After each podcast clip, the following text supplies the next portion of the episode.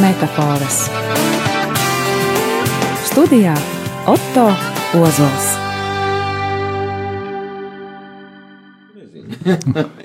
Labdien!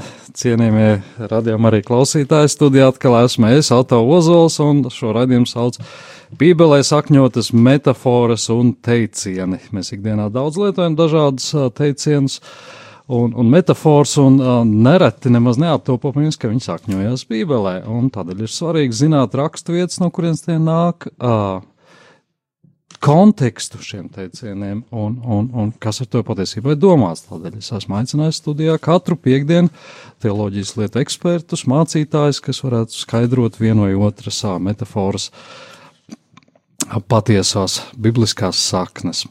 Šodien mēs runāsim par divām metaforām. Šoreiz pirmā būs zelta teļš, un raidījuma otrajā daļā pēc aptuveni pusstundas mēs runāsim par Bābels torni, no kurienes cēlēs ir teicis. Uh, Priecājos iepazīstināt ar mūsu studijas šīs dienas viesi, teoloģijas doktoru Jāni Priedi. Labdien! Labdien. Uh, es mēģināšu nosaukt jūs tos uh, amata nosaukumus. Jūs esat Pontificālās Gregora Universitātes svētās teoloģijas doktors, Latvijas Universitātes humanitāro zinātņu fakultātes profesors un arī Rīgas augstākās reliģijas zinātnes institūta viesprofesors. Pareizi. Jā, jā. Un jūs uh, specializēties arī uh, vecajā derībā, jaunajā derībā, vai, vai ir kādi? Īstenībā jau Romā mēs mācījāmies gan jauno, gan veco derību, bet specializācija bija pilnīgi no, viennozīmīgi vecajā man. Jā, nu tad tieši mēs varēsim runāt. Jā, tātad uh, pirmā metafora ir zelta teļš. Bieži lietots mūsdienās, bet sakne, teiksim, jā, izcelsme nāk no otrās mūzes grāmatas, 32. nolasīt šo rakstu vietu, pirms mēs ķeramies viņu apspriest. Tātad otrā mūzes grāmatā, 32. nodaļa, pirmais pants. Kad tauta redzēja, ka Mozus kavējās nokāpt no kalna, tā sapulcējās pie Ārona un sacīja: Celies un darini mums tā, kādu dievu, kas būtu mūsu priekšā, jo mēs nezinām, kas ar šo mūzu, šo vīru, kas izveda mūs no Eģiptes zemes, ir noticis. Tad Ārons tiem atbildēja: Noplēsiet zelta auskarus, kas ir jūsu sievu, jūsu dēlu un jūsu meitu ausīs, un atnesiet tos man. Tad visa tauta noplēsa zelta auskarus, kas bija to ausīs, un atnesa tos Āronam. Un viņš to paņēma no viņa rokām, zīmēja metu ar zīmolu un no tiem izlēja zelta teļu. Tad tie teica: Šis ir tavs dievs, Izraēla, kas tevi izvedīs no Eģiptes zemes. Kad Ārons to redzēja, viņš uzcēla tā priekšā altāri un lika izsaukt: Rīt ir svētki tam kungam. Tas bija Dieva vārds. Uh, Otrā mūzes grāmatas fragments no 32. nodaļas, 1. panta līdz 5. pantam. Jā, tā tad mēs esam atklājuši, no kuriem citēcies cēlēs teiciens zelta teļš. Mūsdienās plaši lietots visdažādākajās vietās, situācijās, literatūrā, politikā, publicistikā. Pat grāmatas nosaukums ir viens populārs zelta teļš, bet Ķersimies pie visdziļākās tās saknēm. Kad varētu būt, kurā laikā ir sarakstīts šis teksts un kas ir tā iespējami autori? Jā, jautājums ir par sarakstīšanu, bet kas ar to sarakstīts īsti domāts? Kad šis pierakstīts? Mm, pierakstīts. Jā, bet pierakstīts tas ļoti iespējams ir taps diezgan vēlu. Tad jau, kad rakstīšana tā izplatījās, tad jau, kad tāk jau ir jādomā, ka šī teksta izcelsme ir uh, vismaz krietni senāka. Mutisko tradīciju uh, ebreji, tāpat kā savus dzimtas koku un tam līdzīgi, mācījās no galvas vai zināja no galvas, un tā no paudzes paudzē tika nodota. Līdz ar to par pašu pierakstīšanas brīdi tas varbūt ir svarīgs dažkārt, protams, un par to mēs varam runāt, kurā laikā tas ir noticis, taču es teiktu, ka drīzāk būtu jāsāk ar to, nu, par kādu laiku tad vispār ir runa. Un runa ir par izceļošanu no Ēģiptes, par mūzu, par mūzes iešanu kalnā, Un kad Mozus ir projām un Mozus nav, tauta ir šausmīgi uztraukusies, ka nav tā Mozus, kas viņus izvedusi, izvedis no, no, no Eģiptes un tagad darina šo nu, attēlu, kas aizvietotu no vienas puses kā mūzu vai dievību, par to mēs runāsim varbūt vēlāk, ko tad īsti tas tēls viņiem aizvietoja, bet tā tad šī izcelsme, šis vēstījums, šis stāsts par, zinām, ieslīgšanu algdievībā, izceļojot no Ēģiptes vai atgriešanos algdievībā, tas jau nāk paudžu paudzēs mutiski līdz tam pierakstīšanas brīdim. Un par pierakstīšanu ir jāsaka tā.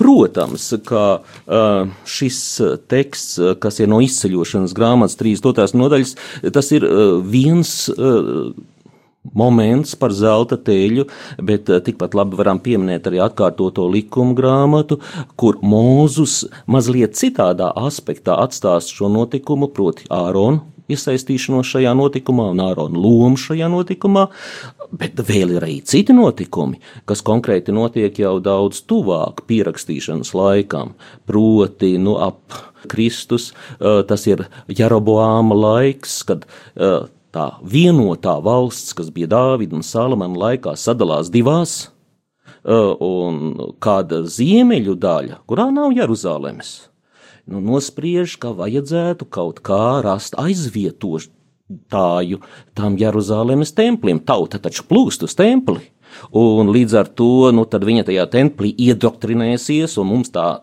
Ziemeļu valsts izputēs. Un tad tiek jā, izveidoti divi, divas svētnīcas turpat tuvāk, lai nav tik tālu jāiet ar zelta teļiem. To veido Jeroboams. Arī tur ir šis moments par zelta teļu. Un, protams, pravietis Hozeja ļoti neapmierināts ir par šo notikumu, par to raksta. Un daudz, daudz citur viet tas ir pieminēts. Es, es pieminēšu tikai psalmus, piemēram, tas ir 106. psalms, kur tas arī teikts, šis notikums atstāstīts. Un par psalmu tapšanu un pierakstīšanu arī varam runāt atsevišķā raidījumā. Tātad 106. Eh, psalmā tie darināja teļu Horebā un atlējuma priekšā zemojās. Tie mainīja savu godību pret vērša zālēdāju atveidu, tie aizmirsa dievu savu glābēju, kas dižas lietas bija darījis Eģiptē. Un tā tālāk šis psalms, kas at, mēģina tautai, nu, atgādināt visus šos izcilos nosaukumus. Tādēļ tas pierakstīšanas laiks, eh, jā, ir vienmēr diezgan arī hipotētisks, jo tie manuskripti, kas pie mums ir nonākuši ebreju valodā, jau nemaz tik seni nav. Ja mēs pat skatāmies kumranas manuskriptus, tad, eh, tad nu jā, nu kāda 70 gadi pirms Kristus ir tie senie ebreju manuskripti. Labi, kādus 200, bet pierakstīšanas laiks, jā, tie ir, nu, kāda 6, 7, 8 gadsimts, absolūti diezgan brīva interpretācija par to konkrēto gadsimtu, kad tas teksts ir ticis pierakstīts. Mm -hmm, jā. uh, tas ir tāds vēsturiskais konteksts, ja mēs skatāmies.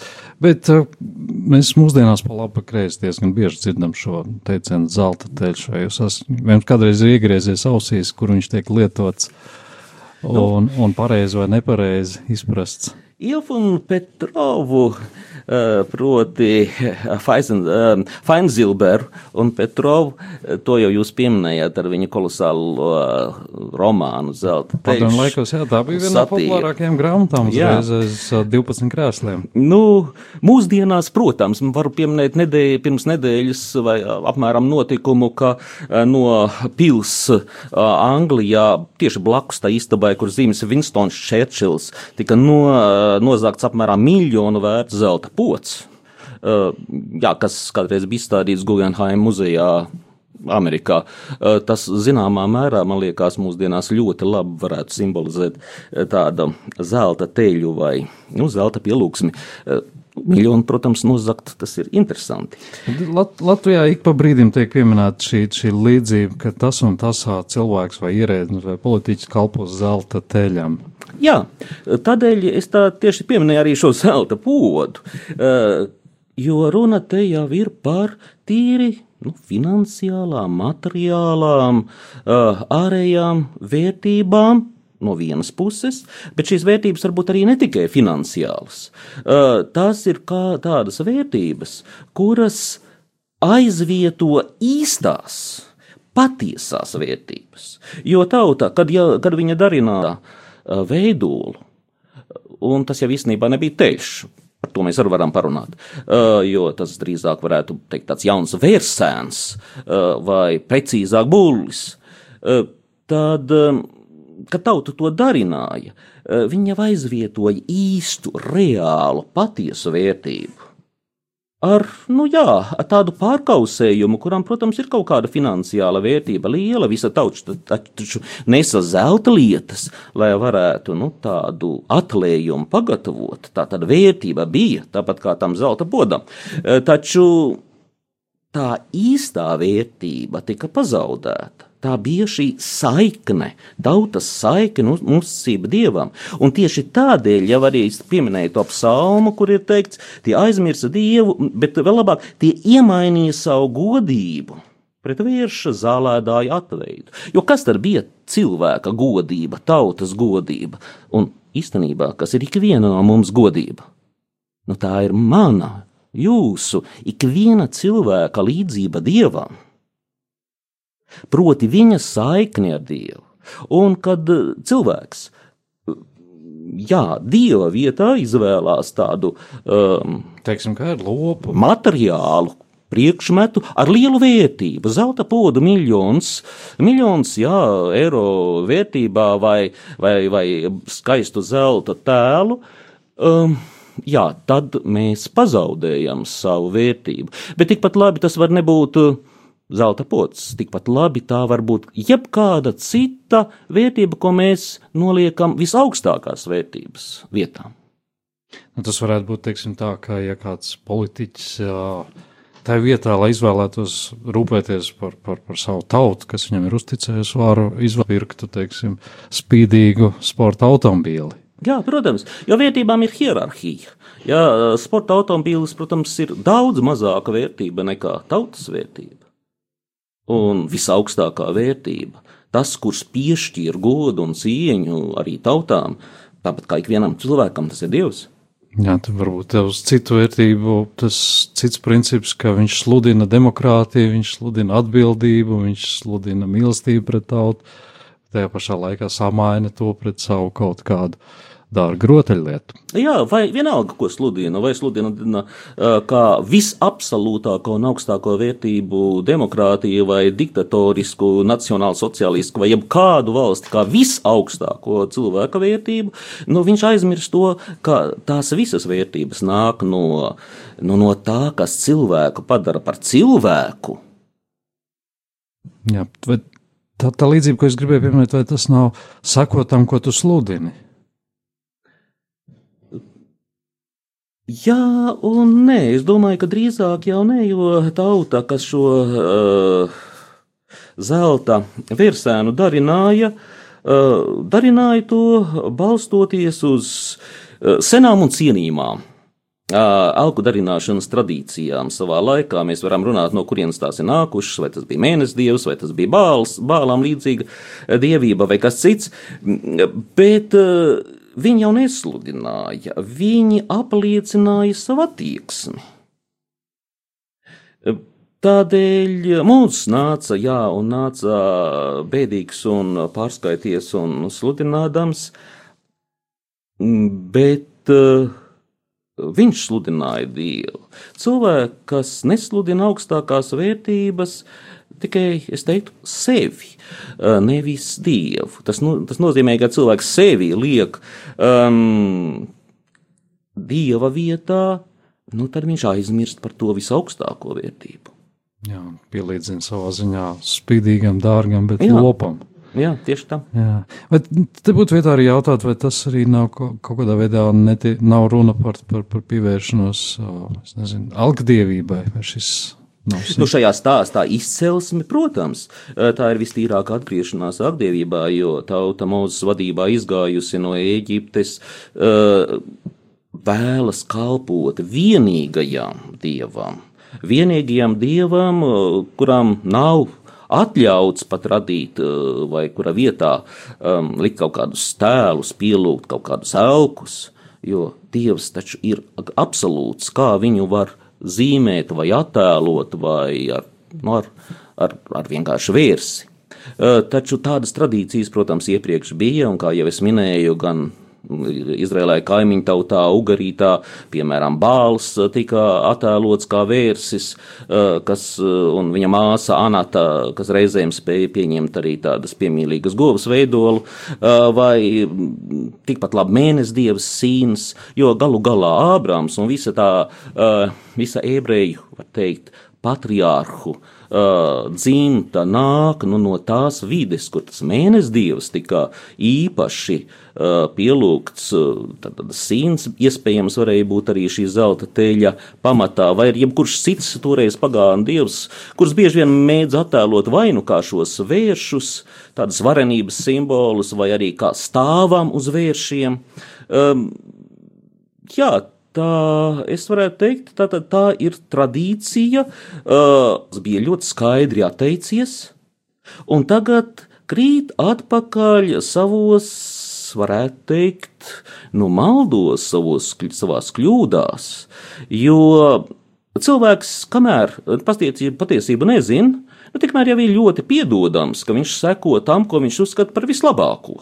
Un, ja par vislabāko uzskata, nu, pielūgt tādu teļu, tad tas ir brīnišķīgi un viss šķiet pareizi. Bet tajā brīdī, kad cilvēks ir sapratis, ka teļš jau nu dienu nav dievs, un ka viņš ir noslēdzis derību un vēlas kalpot dievam, un tad kā diena saka, nē, nu nekas, es uzlikšu tomēr to smuko, nu, to smuko. Krišnas tēlu te un aizdedzināšu viņu priekšā svecīti un piedāvāšu viņam prasādu vai kaut ko tamlīdzīgu. Ja viņš atgriežas atpakaļ savā varētu teikt, augdievībā, novēršās no absolūtā, absolūtā dieva. Nu, tā ir atkrišana atpakaļ zemākā stāvoklī. Un tieši tādēļ es domāju, šis stāsts par zelta teļu ir cilvēkiem saglabājies ļoti labi tādā atmiņā, kļuvis par parunu, jo tās ļoti skaidri nozīmē, ka cilvēks zina, kas ir vērtība bet izvēlās zelta teļu. Jā. Es atgādinu klausītājiem, kur varbūt tikai tagad ieslēdz radio, ka šis ir man sauc Oto Ozols, šis ir redzījums Bībelē sakņotās metafors un teicieni, un studijā par divām metaforām es šodien runāju ar Pontificālās Gregora Universitātes svētās teoloģijas doktoru Jāni Priedi. Uh, Un raidījuma sākumā jūs teicāt, ka jūs esat studējuši veco derību arī, arī Romā. Tā es pareizi sapratu, uztvēru. Jā, tur es aizstāvēju savu doktora grādu. Jā, tad, tad nu, es nezinu, ir pareizākais, bet kā jūs varētu skaidrot, kā jūs izprotat šo vietu tīri teiksim, tā, no tradicionāli bibliskās prizmas skatoties, šo rakstu vietu konkrēto par zelta teļu? Jā, eh, jautājums ir, ko nozīmē tradicionāli bibliskā. Nu, šeit es teiktu, tā jāsāk droši vien ar tiem modernākajiem laikiem, un tad jāiet atpakaļ uz eh, kristīgajiem sākumiem. Proti, ir akadēmiskais eh, skatījums, kurš mēģina iedziļināties un kurš nekad nedod, vismaz parasti nespēja dot viennozīmīgu atbildi jo laiki ir ļoti e, tāli un nu, tādu tiešu, absolūtu liecību vai video ierakstu no tiem laikiem mums nav. Tādēļ mēs varam tikai spriest par to, kas tas zelta ceļš ir bijis. Un tādēļ es te pieminēju e, tās dažādas iespējas, e, kā akadēmiskie pētnieki spriež, ka tas zelta tēls var būt no vienas puses attēlojis mūzu, jo mūzis bija aizgājis projām, viņš bija uzkāpis kalnā un, un nenāca atpakaļ, un tauta bija izmisusi, un tagad vajadzēja kaut ko, un ja jau mūzis ir pazudis, nu taisīsim tēlu.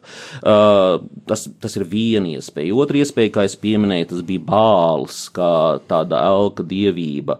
Vēl viena iespēja, par ko pētnieki runā, ir, ka jā, nu viņi, bet viņi gribēja tomēr to pašu īsto dievu parādīt kaut kādā simbolā. Un kas gan var būt labāks simbols, kā tas pats vecais, labais svērša tēls, ko taču galu galā pazīst viss reģions.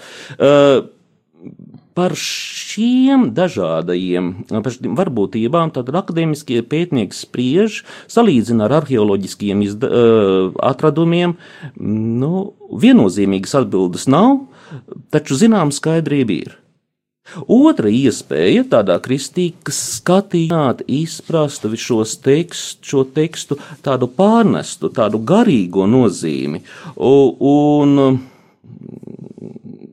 Jā, ko tas teksts īsti nozīmē nevis kā vēsturisks vai ar vēsturi saistīts notikums, bet gan kā stāsts, kas katram no mums kaut ko spēj vēstīt. Un tad, protams, ja mēs redzam to, ka par šo jautājumu ir domājuši ne tikai mūsdienu pētnieki, bet tas pats psalmis uzsver to, ka ar šo zelta teļu tiek apmainīta cilvēka godība pret, jā, pret vienkārši kaut kādu atlējumu. Pie tam ne, ne augstākās kvalitātes, kā mēs to varam redzēt uh, muzejos, uh, tuvajos austrumos. Bet, nu, no zelta, labi. Taču tā kristietība skatās arī vēl dziļāk tajā ziņā, ka šie elku tēli, moloks vai citi, simbolizē pretstatu, pretstatu nu, īstam dievu tēlam. Tā tad uh, īstā dieva noliekšanu, novēršanos no viņa.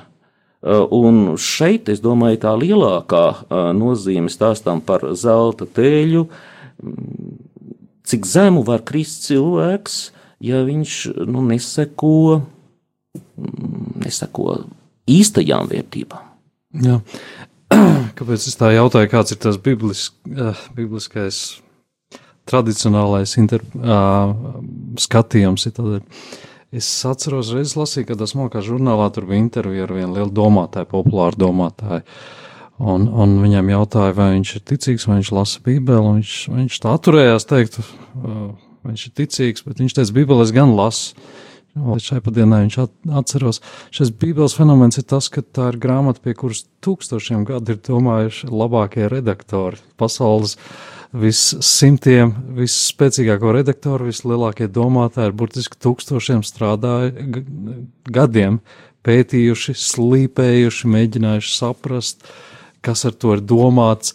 Viņš teica, nu, ka tā ir tā Bībeles vērtība, ka tā ir nu, grāmatu grāmata, kurā jā, šīs domas ir izpētīts līdz, līdz, līdz teiksim, DNS-am, ja tā drīkst, DNS domai. Tādēļ es domāju, tas mans jautājums bija vairāk, kāda ir tā vispār pieņemtā interpretācija šai vietai? Tāda, par ko lielais vairums. Mēs zinām, ka ir margināli Bībeles interpretētāji, bet es pieņemu, ka Vatikānā tomēr ir tāds kopējs pamat redzējums šo vietu.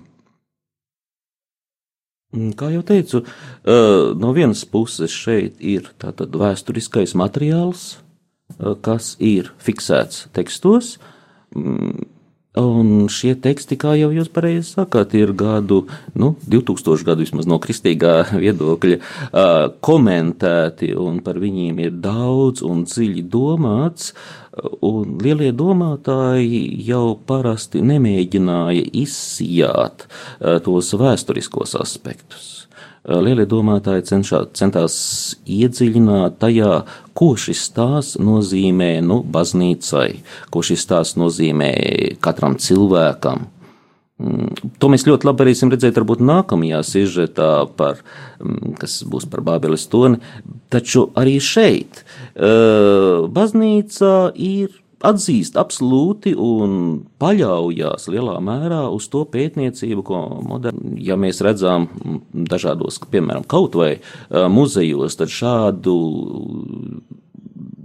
vēr, virsēnu tēli, atlējumi ir ļoti daudz saglabājušies. Ebreju toreiz gatavotais, nu, tas nebija ne pirmais, ne pēdējais, taču tautai pēc izceļošanas, nu, tas bija pirmais, kas tajā brīdī ļoti daudziem beidzās slikti. Uh, bet tas jāsaka arī ne pēdējais. Un, jo es jau pieminēju to jau vairākus gadsimtus vēlāk, gadījumu ar Jeroboām, ar, um, ar valsts šķelšanos, un atkal jaunu vērsēnu vai zelta teļu izgatavošanu, atliešanu un piedāvāšanu tautai, apjūsmošanai un pielūgšanai. Jā, šeit mēs redzam šos vēsturiskos notikumus, par ko raksta Bībele, bet es teiktu, ka tas bibliskais skatījums vairāk koncentrējās nevis uz to, kādā veidā šie teksti ir tapuši. Nu, kas tas ir bijis viens redaktors, Jahvis vai kāds, par ko viņš ir vairāk interesējies, vai citu. Par to pēta akadēmiski ļoti daudz. Bet tas bibliskais, īstais, es teiktu, kristīgais skatījums ir, jā, ko tad šis senais nu, notikums vai šis senais stāsts uh, var dot lasītājiem. Jo, ja mēs paliekam vienkārši nu, pie tā stāsta, kā tāda, kas nav saistīts ar mums, tad Bībele kļūst zināmā mērā līdzīga nu, tādai Iliādai vai Odisejai, ko īsti neviens mūsdienās nelasa vairāk, jo ar dzīvi, pat ne ar skolu un pat ne ar grieķu valodas mācīšanos, tas nav izsnātā versijā, varbūt izlasa. Bet Bībelē ir katrs vārds bieži vien spējīgs uzrunāt cilvēku, Un tādēļ es domāju, tas ir ļoti svarīgi tieši šos tekstus lasīt. Jā, tieši tas katrs vārds man aizķērās, bet te nav arī zināmā mērā iekudēts zināms brīdinājums vai pat pravietojums cilvēcei, jo mēs redzam, tie teksti ir tiešām tūkstoši gadus vērti, bet vēlākajos gados cik daudz asiņu tika izlietis, kad cilvēki dzinās pakaļ zeltam. Tā, konkistadori iekarojot Ameriku, cik daudz cilvēku. Viņi it kā sludināja ticību, bet patiesībā viņi zinās pakaļ zeltam, cik daudz Eiropā karos cilvēki uh, viens otru nenokāva dzenoties dēļ šī zelta vilinājuma. Jūs uh, nedomājat, ka šeit ir arī zināms brīdinājums cilvēkiem, nu neskriet akli pakaļ šim zelta spožumam? Jā un nē, jo, ja mēs redzam, tad praktiski visam, kas ir dieva radīts, kas ir labs šajā pasaulē, eh, visām ir vērtība, arī zeltam ir vērtība. Šajā stāstā mēs redzam, eh, ka Ārons aicina sanest šīs zelta rotas lietas eh, kas pēc tam tiks pārkausētas zelta teļām. Rotas, par rotas lietām jau neviens um, nebārās eh, ebreju tautā ne pirms zelta teļa, ne pēc zelta teļa. Eh, zelta rotlietas, rotas lietas vienmēr bijušas skaistas. Ja mēs skatāmies arī kristīgajā laikmetā, nu, zelts grezno baznīcu, austrumos pat eh, jumti ir ar zelta plāksnītēm pārvilkti dažkārt skaistumam. Nē, tas uh, zelts vai skaistums vai jebkura vērtība, ja tas ir pareizi pielietots, vainas nav zeltam. Uh, taču tajā brīdī, kad zelts kļūst par centrālo vērtību, kad tā dēļ cilvēks ir spējīgs nu, nogalināt lielāku vērtību, piemēram, cilvēku, vai izdarīt kādu nekrietnību, uh, kas kas arī ir vairāk, uh, jo krietnums tas ir vairāk par zeltu. Ja viņš atsakās no krietnuma zelta dēļ, nu tad viņš atkrīt atpakaļ šajā zelta teļa pielūgsmes stāvoklī. Jā. Nu, to mums vajadzētu apaļot to pirmo tēmu par zelta, zelta teļu. Es ceru, ka mums izdevās puslīdz ieskicēt to filozofisko domu. Uh, to vēstījumu biblisko, kas nāk ar, ar, šo teicienu. Un, uh, Atgādinu, ka studijā esmu es, Auto Ozols, ar raidījumu Bībelē sakņotās metafāras, un mans šīdienas viesis ir teoloģijas doktors Jānis Priede. Tagad ir neliela muzikāla pauze, neliels atelpas brīdis, pēc kura mēs atgriezīsimies, mēs runāsim par, par uh, par slaveno metaforu, zināmo metaforu un ļoti dziļo metaforu, kas saucās Bābels tornis. Par to pēc mirkļa.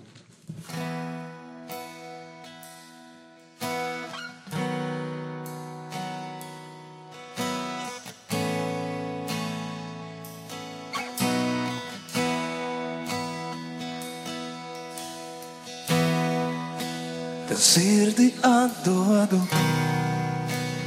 visu, kas tai dāvāts. Es visu atstāju, tevis dēļ, mans kungs un dievs, manas vēlmes dziļākās, un sapņus dodu tev, un manu dzīvi tevi apmainu. es atdodu visu tev, visu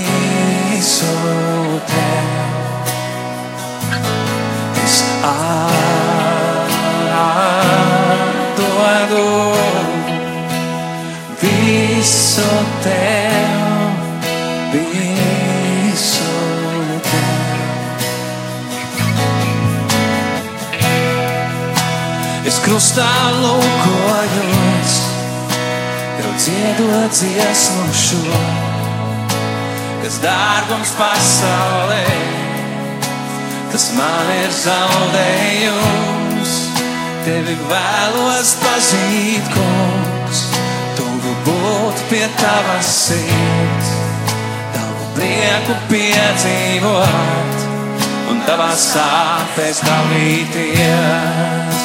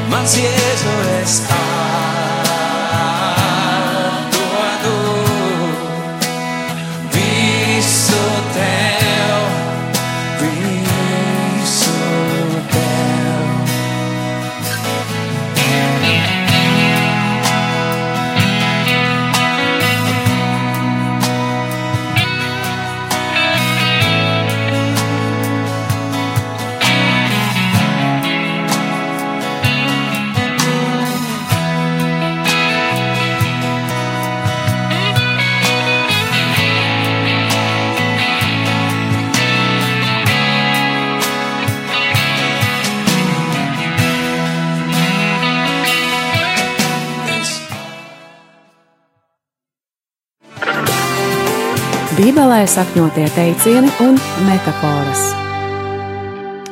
Labdien! Vēlreiz rādījām arī klausītāji. Studijās mēs Soto Ozols raidījām Bībelē sakņotās metafāras un teicienus. Šī ir raidījuma otrā daļa. Mums studijā ir teoloģijas doktors Jānis Priede, un mēs runājam par divām metaforām. Pirmajā daļā mēs runājam par, par zelta teļu, otrajā daļā mēs runāsim par Pābeles torni. Atgādini, Jānis Priede ir specializējies tieši vecās derības tekstos, tādēļ reiz tā pamatīgi, cik nu mums laiks atļaus, izstāstīt, kas ir domāts ar Bābeles torni Bībelē, un ko patiesībā šī metafora domā un kāds ir tas bibliskais pamats.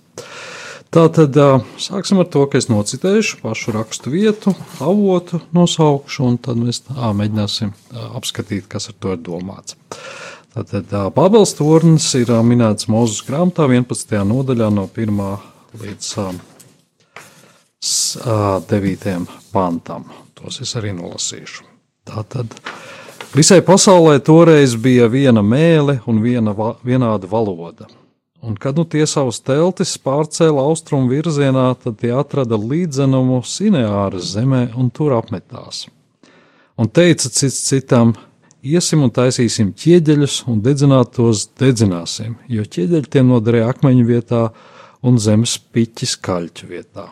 Un tie teica, celsim sev pilsēsīs, ar to mēs sev sagādāsim vārdu un, un netiksim izkaisīti pa visu zemi. Un tas kungs nonāca, lai apraudzītu pilsētu un torni, ko cilvēku bērni cēla. Un tas kungs sacīja: Lūk, tā ir viena tauta, un tiem visiem ir viena valoda. Tas ir tikai sākums viņu rīcībai, un turpmāk nekas, ko tie nodomājuši, vairs nebūs tiem neiespējams. Iesim, nolaidīsimies un sajauksim viņu valodu, ka tie vairs nesaprot cits cita valodu. Un tas kungs tos izklīdināja no tās vietas pa visu zemes virsmu, un viņi mitējās celt pilsētu. Tāpēc tās vietas vārds tika nosaukts Bābele, jo tur tas kungs sajauca visas zemes valodas, un no turienes viņš tos izklīdināja pa visu zemes virsmu. Tas bija Dieva vārds no otrās mūzes grāmatas. Jā, nu mums jautājums ir atkal, kad, kad šis teksts varētu ticis būt pierakstīts, cik tas ir sens, kas ir jā, tā iespējami autori. Šeit atkal tas pats droši vien atbild par pierakstīšanu, ka tā jau nav tik būtiska, no kuriem laikiem rokraksts mums ir nācis, vai kuros laikos mēs domājam, šis teksts ir pierakstīts, jo tajā ietvertais materiāls neapšaubām ir daudz, daudz, daudz, daudz senāks šajā gadījumā. Šī ir, var teikt, pirm, ietilpst pirmajās 11 bībeles, no grā, pirmās grāmatas nodaļās, un šajās nodaļās ir tāds ļoti, ļoti īpatnējs. Pirms vēstures žanrs, eh, kurā ir stāstīts par tiem notikumiem, kas bija pirms īsti vēsture, eh, chronistu vēsture, eh, ir tikusi pierakstīta un, un par kuru atmiņas nāk tikai šījumos, bieži vien mazliet poetiskos vēstījumos, kopsavilkumos vai tam līdzīgi. Tātad Bābeles tonim, protams, ir arī vēsturiski pamati, bet Uh, droši vien ne jau tam konkrētajam tornim. Ja mēs domājam par kādu konkrētu torni, kas te varētu būt, tas ir Bagdades izrakumos, un, un Mezopotāmijā tādu torni bija ļoti daudz. Uh, Bagdades izrakumos atrastie pamati vienam no šādiem lielākajiem, iespējams, uh, torņiem, bet tā kā tie pamati ir tikai pāris ķieģeļu augstumā, mēs varam aptuveni spriest par to, kāds tas tonis ir izskatījies. Un spriest par to mēs varam no 5 gadsimtus pirms Kristus dzīvojošā, dzīvojušā grieķu vēsturnieka Herodota tekstiem, kas arī šos zikurāta tipa um, celtnes apraksta. Protams, ka tās nav tik augstas, lai iesniegtos tieši debesīs, bet augstas, protams, tās bija diezgan šīs celtnes. Um, Jā, un uh, tā tad uh, pār kuru laiku uh, tas laiks ir ļoti skaidri pirms ebreju tautas veidošanās, jo šeit tas ir vēl domāts tas laiks, kad visām tautām ir viena valoda, un tad tiek aprakstīts notikums, kurā pēkšņi valodas rodas daudzas cilvēki tiek izkliedin, izklīdināti pa visu zemi. Tas ir tāds skaists, tā ir skaista glezna, varētu teikt, šī Bābeles torņa celšana. Ar visu to aprakstu, kā cilvēki nu, cenšas uh, radīt, ķie, uh, veidot ķieģeļus, celt augstāku, varētu teikt, līdz pat debesīm, uh, līdz pat dievam, un cik tas neveiksmīgi beidzās, jo viņi gribēja radīt vārdu sev. Uh, viņi bija mazliet līdzīgi uh, tai ziņā, kā vēlāk iesaja spravietis raksta. Uh, viņš raksta 14. nodaļā, bet nevis par Bābeles toni, par kādu citu, mm, varētu teikt, būtni vai personu, uh, par to, kas no debesīm nokritis. Šis mirdzošais rītausmas dēls. Viņš saka, tu domāji savā sirdī, es debesīs uzkāpšu augstāk par dieva zvaigznēm, uzcelšu savu troni, sēdēšu sapulces kalnā, virs mākoņu virsotnēm uzkāpšu, šķitīšos kā pats visaugstākais. Taču šeolā nobrauci. Uh, jā, tātad tas ir iesaja, kas runā par šo cilvēka tieksmi, un šajā gadījumā par nu, ļaunā gara tieksmi, pacelties pāri nu, dievišķajam dievam, ieņemt dieva vietu.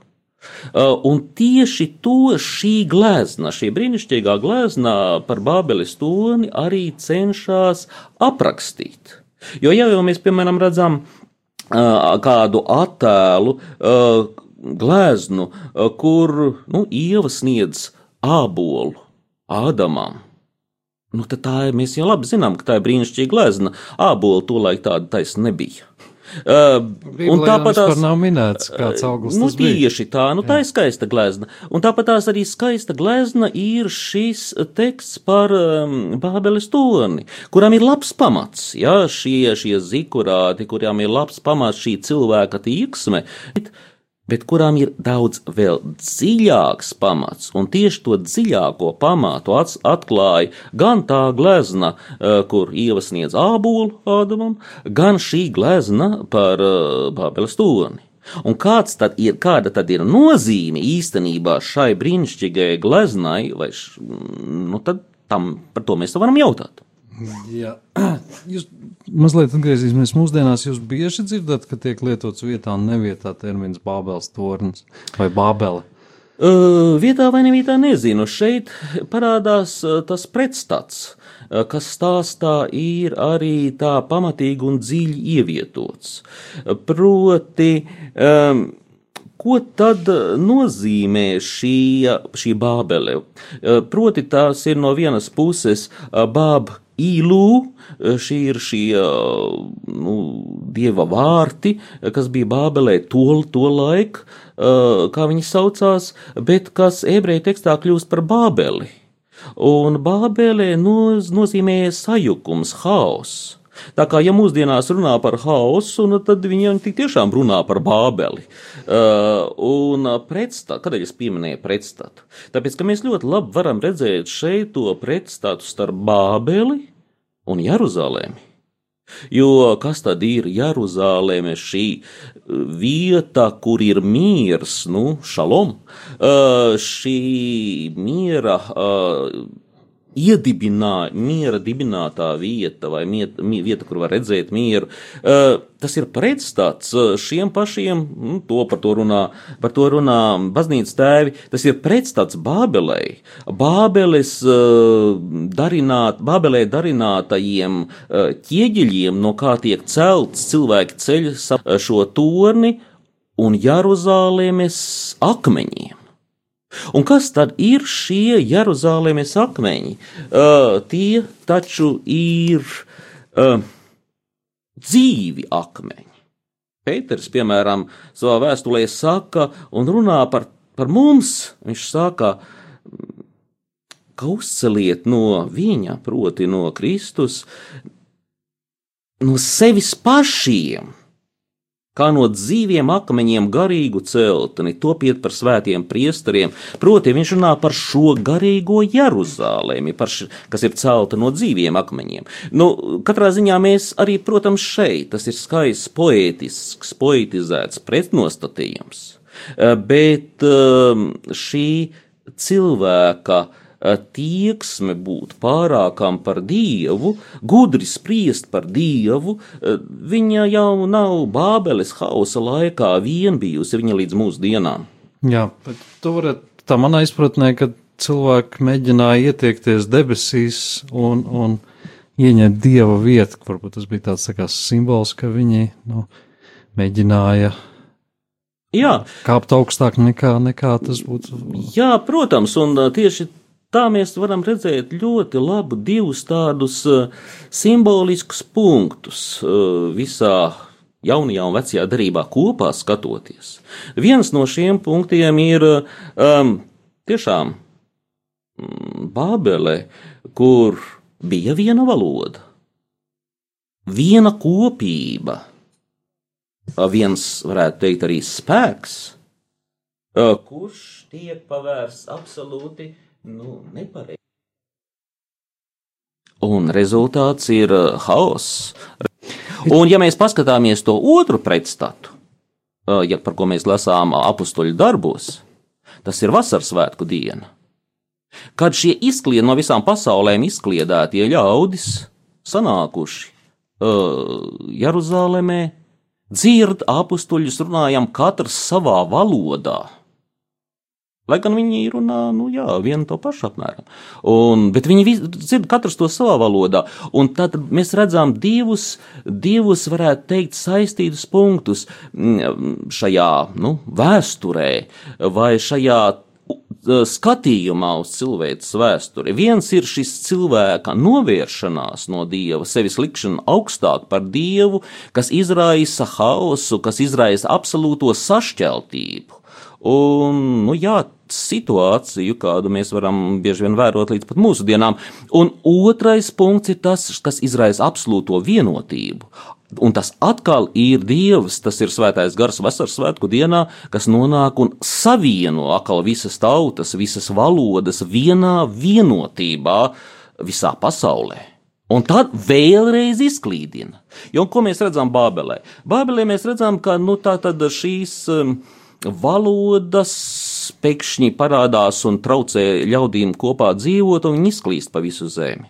Jeruzalemes notikumā parādās šī vienotība, un cilvēki ar dažādajām valodām atkal izklīst pa zemi, pildīt Kristus doto uzdevumu, sludināt evaņģēlīju visām tautām. Mazliet atgriezīsimies šeit un tagad mūsdien, ā, mūsdienās, vai Eiropa ar savām 27, ja oficiāli pat vairāk valodām, vai mēs varam saukt par Bābeli, vai mēs dzīvojam šobrīd Bābelē, kur katrs runā savā valodā.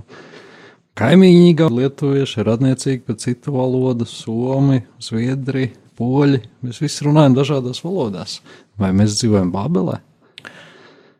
Es teiktu, ka tas mēs dzīvojam ļoti skaistā laikmetā. Ir īpaši tādēļ, ka, ja tā paskatāmies mazliet vēsturē, ja gribam tā vēsturiski skatīties uz daudzām dažādām tautām, tad redzam, ka izdzīvojušas jau pamatā ir tās, kurām ir svētie raksti viņa valodā tapuši.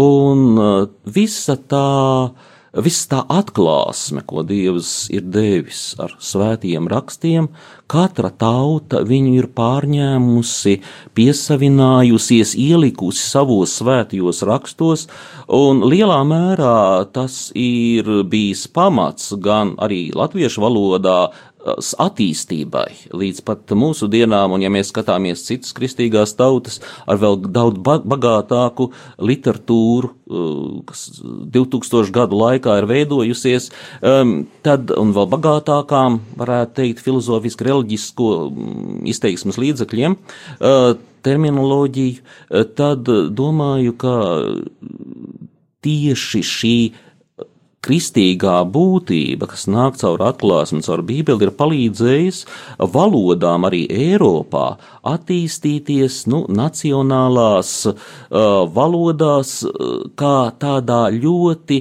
skaistā lietā, proti lietā, ar kurā uh, val, uh, līdzeklī, ar kuru var Kristus vēsti sludināt. Jā. Tas varētu vienot tautas.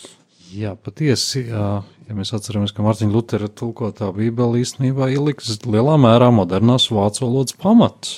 Jā, nu Luters izvēlējās ļoti veiksmīgu dialektu savā laikā, pirms tam jau bija kāds seši. Un varētu teikt, drīzāk Luters, protams, dzīvoja ideāli labā laikā, ne jau reformācijas dēļ, bet tādēļ, ka bija izgudrota grāmatiespiešana. Un tieši šī paša iemesla, un līdz ar to jebkurš tulkojums, jebkurš pamflets varēja tikt izplatīts nu, nesalīdzinām ātrāk nekā ilgi un dikti pārrakstot uz teļādas un rūpīgi izleznojot pēc tam pāris eksemplāros. Uh, un, tā es teiktu, ka mēs dzīvojam tikpat brīnišķīgā laikmetā kā Lutera laikmets, jo mūsu laikos attīstās nu nevis tā smagā grāmata iespiešana, burtu likšana un tā tālāk, kas, protams, bija ļoti izdevīga, bet mūsu elektroniskie elektroniskie, tagad masu saziņas līdzekļi, internets, tīmeklis, tas dod daudz brīnišķīgu iespēju izplatīt kristīgo vēsti. Un, protams, tas dod brīnišķīgas iespējas arī celt Bābeles torni. Jā. Jautājums ir, ko katrs izvēlās. Jā, jāatcerās arī latviešu valodas pamatos īstenībā glika tulkotā bībele ir viens no Nu, pamatos taisni nē, jo Gliks jau izmantoja tulkojumus, kas bija, bija izmantoja latviešu, um, var teikt, teicējus un iedziļinājās latviešu valodā savu laikā un izmantoja jau šīs bagātības, kas valodā bija. Ja mēs skatāmies mazliet, mazliet iepriekš vēl kaut vai, piemēram, nu, 15. gadsimtu pirms reformācijas, kad Rīgas sinoda pieņēma lēmumu, ka katrā, katrā baznīcā ir jābūt tad sprediķotājā, sprediķotājām vai diakonam vai tam līdzīgi, kas prot runāt un sprediķot latviešu valodā. Tā kā, protams, ka valoda jau bija krietni iepriekš. brīdī jau tie pirmie tulkojumi bija parādījušies. Nu, katrā ziņā mm, lūkšanas noteikti. Tad, tad tā, glikstam, bet jebkurā gadījumā. Jā, tas, protams, palīdzēja, jo tā bija grāmata, kas tika iespiesta lielā uh, metienā. Tiem Tiem laikiem uh, atkārtot izdota, un ko iegādājās arī latvieši, ne tikai vācu valodā runājošie, tā bija paredzēta tieši latviešiem. Tādēļ šai grāmatai, protams, bija milzīga loma nu, tieši latviešu jā, mm, valodas arī attīstībā. Jā, es domāju, ka ne tikai latvieši, bet uh, redzījuma noslēgumā varbūt par, par tādu, par ko es esmu domājis, par tādu brīdinošu, pravietisku uh, kodējumu, varbūt vēsti, kas tur ir iekļauta. Mēs uh, redzam, ka ir bijušas divas briesmīgas impērijas, kas mēģināja sakausēt atkal visas tautas kopā, lai viņi runā vienā mēlē, vienā valodā, lai pielūdz uh, pseido reliģijas, es domāju, padomju savienību, kas mēģināja uzspiest vienu valodu visiem. Es nevainoju pašu valodu, bet viņi mēģināja sapludināt mākslīgi tautas. Tāpat mēs varam runāt par nacistisko Vāciju, kas mēģināja, kas pasludināja, ka ir viena ā, īpašā valoda un mēģināja sakausēt cilvēkus un, un pielūgt, jā, faktiski algtievībā ap Dievu mūs vedināja. Vai šī, šī raksta vieta nav tāds tā kā brīdinājums, ka nevajag par katru cenu mēģināt sakausēt atkal cilvēkus vienā, vienā valodas tornī un, un, un glīst uz debesīm. Eiropa jau ir skaista tieši ar to, ka mēs cenšamies saglabāt uh, mūsu mantojumu, gan kristīgo mantojumu, to tulkojot dažādās valodās, gan visu pārējās kultūras bagātības un vērtības, kas katrai tautai ir. Um, ja runā par to sakaustēšanu, tad un uh, homo sovietikus radī, mēģinājums radīt homo sovietikus vai mēģinājums radīt uh, pārcilvēku, uh, kā Nacistu tas bija nacionālu sociālistu laikā. Tas, protams, ir viens virziens. Ja mēs paskatāmies, kā ir veidojusies mūsdienu Amerikas Savienotās valstis, kur arī valodas saplūst praktiski angļu valodā, tagad, protams, spāņu valodai arī ir ļoti liela nozīme, tad tas ir pavisam cita veida kausējamais katls. Bet ne jau par šīs uh, vai no angļu, vai vācu, vai krievu valodas skaistumu, nozīmību vai maznozīmību mēs runājam. Mēs runājam īstenībā par tām vērtībām, ko katra valoda nes. Vai tas bija nu, uh, padomju laikā šī krievu valoda uh, ar marksismu, leņinismu vērtībām un homo sovietikus radīšanu, vai tās bija Hitlera runas vai arī jebkurā no šīm valodām, krievu, vācu, angļu vai kāda kristīgā vēsts, kas arī var tikt ietverta ļoti skaistā, brīnišķīgā angļu, krievu, vācu, latviešu valodā. Jā, nu, mūsu raidījums pamazām virzās uz savu noslēgumu. Man ir jāsaka paldies studijas viesim Jānim Priedim, teoloģijas doktoram. Un es mēģināšu at- atgādināt Eiropas Savienības viena no krustāva dibinātāja kristieša Roberta Šūmaņa idejām, ka mūsu spēks ir Eiropas spēks, ir kultūras dažādība, ka mēs ar to dalāmies, bagātinām viens otru. Un, un viņš patiešām Roberts Šumans, Eiropas Savienības viens no krist... tēviem, bija kristīgais domātājs, un es domāju, ka viņš bija ņēmis vērā arī šo domu, ka Dievs ar, ar nodomu mūs ir sadalījis dažādās valodās. Uh, Jā, lai mēs censtos nu, pārņemt to, ko kristietība ir šajos 2000 gados devusi visai Eiropai. Un pārņemt mm, no tām valodām, ko mēs nezinām, no latīņu valodas, varbūt no grieķu valodas, no citām, un papildināt to nu, ar to, ko mēs varam dot, ar savas valodas skaistumu, ar savas kultūras skaistumu, tā lai eh, cilvēkiem Latvijā arī būtu pieejams viss tas, kas Eiropā ir pieejams 2000 gadus. Un katra zeme, katra tauta to ir centusies darīt. Uh, Un es ļoti ceru, ka tas, ko savulaik sāka Gliks, vai ne tikai Gliks, pirms viņa jau Elgars un arī citi, uh, tas, ko ir darījuši, var teikt, latviešu rakstītās valodas aizsācēji, nu tiks turpināts arī 21. gadsimtā. Jā, no paldies, paldies par, par šo cerīgo vēsti. Paldies par interesantu stāstījumu. Paldies klausītājiem. Šis bija raidījums Bībelē sakņotās metafors un teicieni. Tiksimies atkal nākošajā raidījumā. Paldies un visu labu! Uz redzēšanos! Bībelē sakņotie teicieni un metafāras.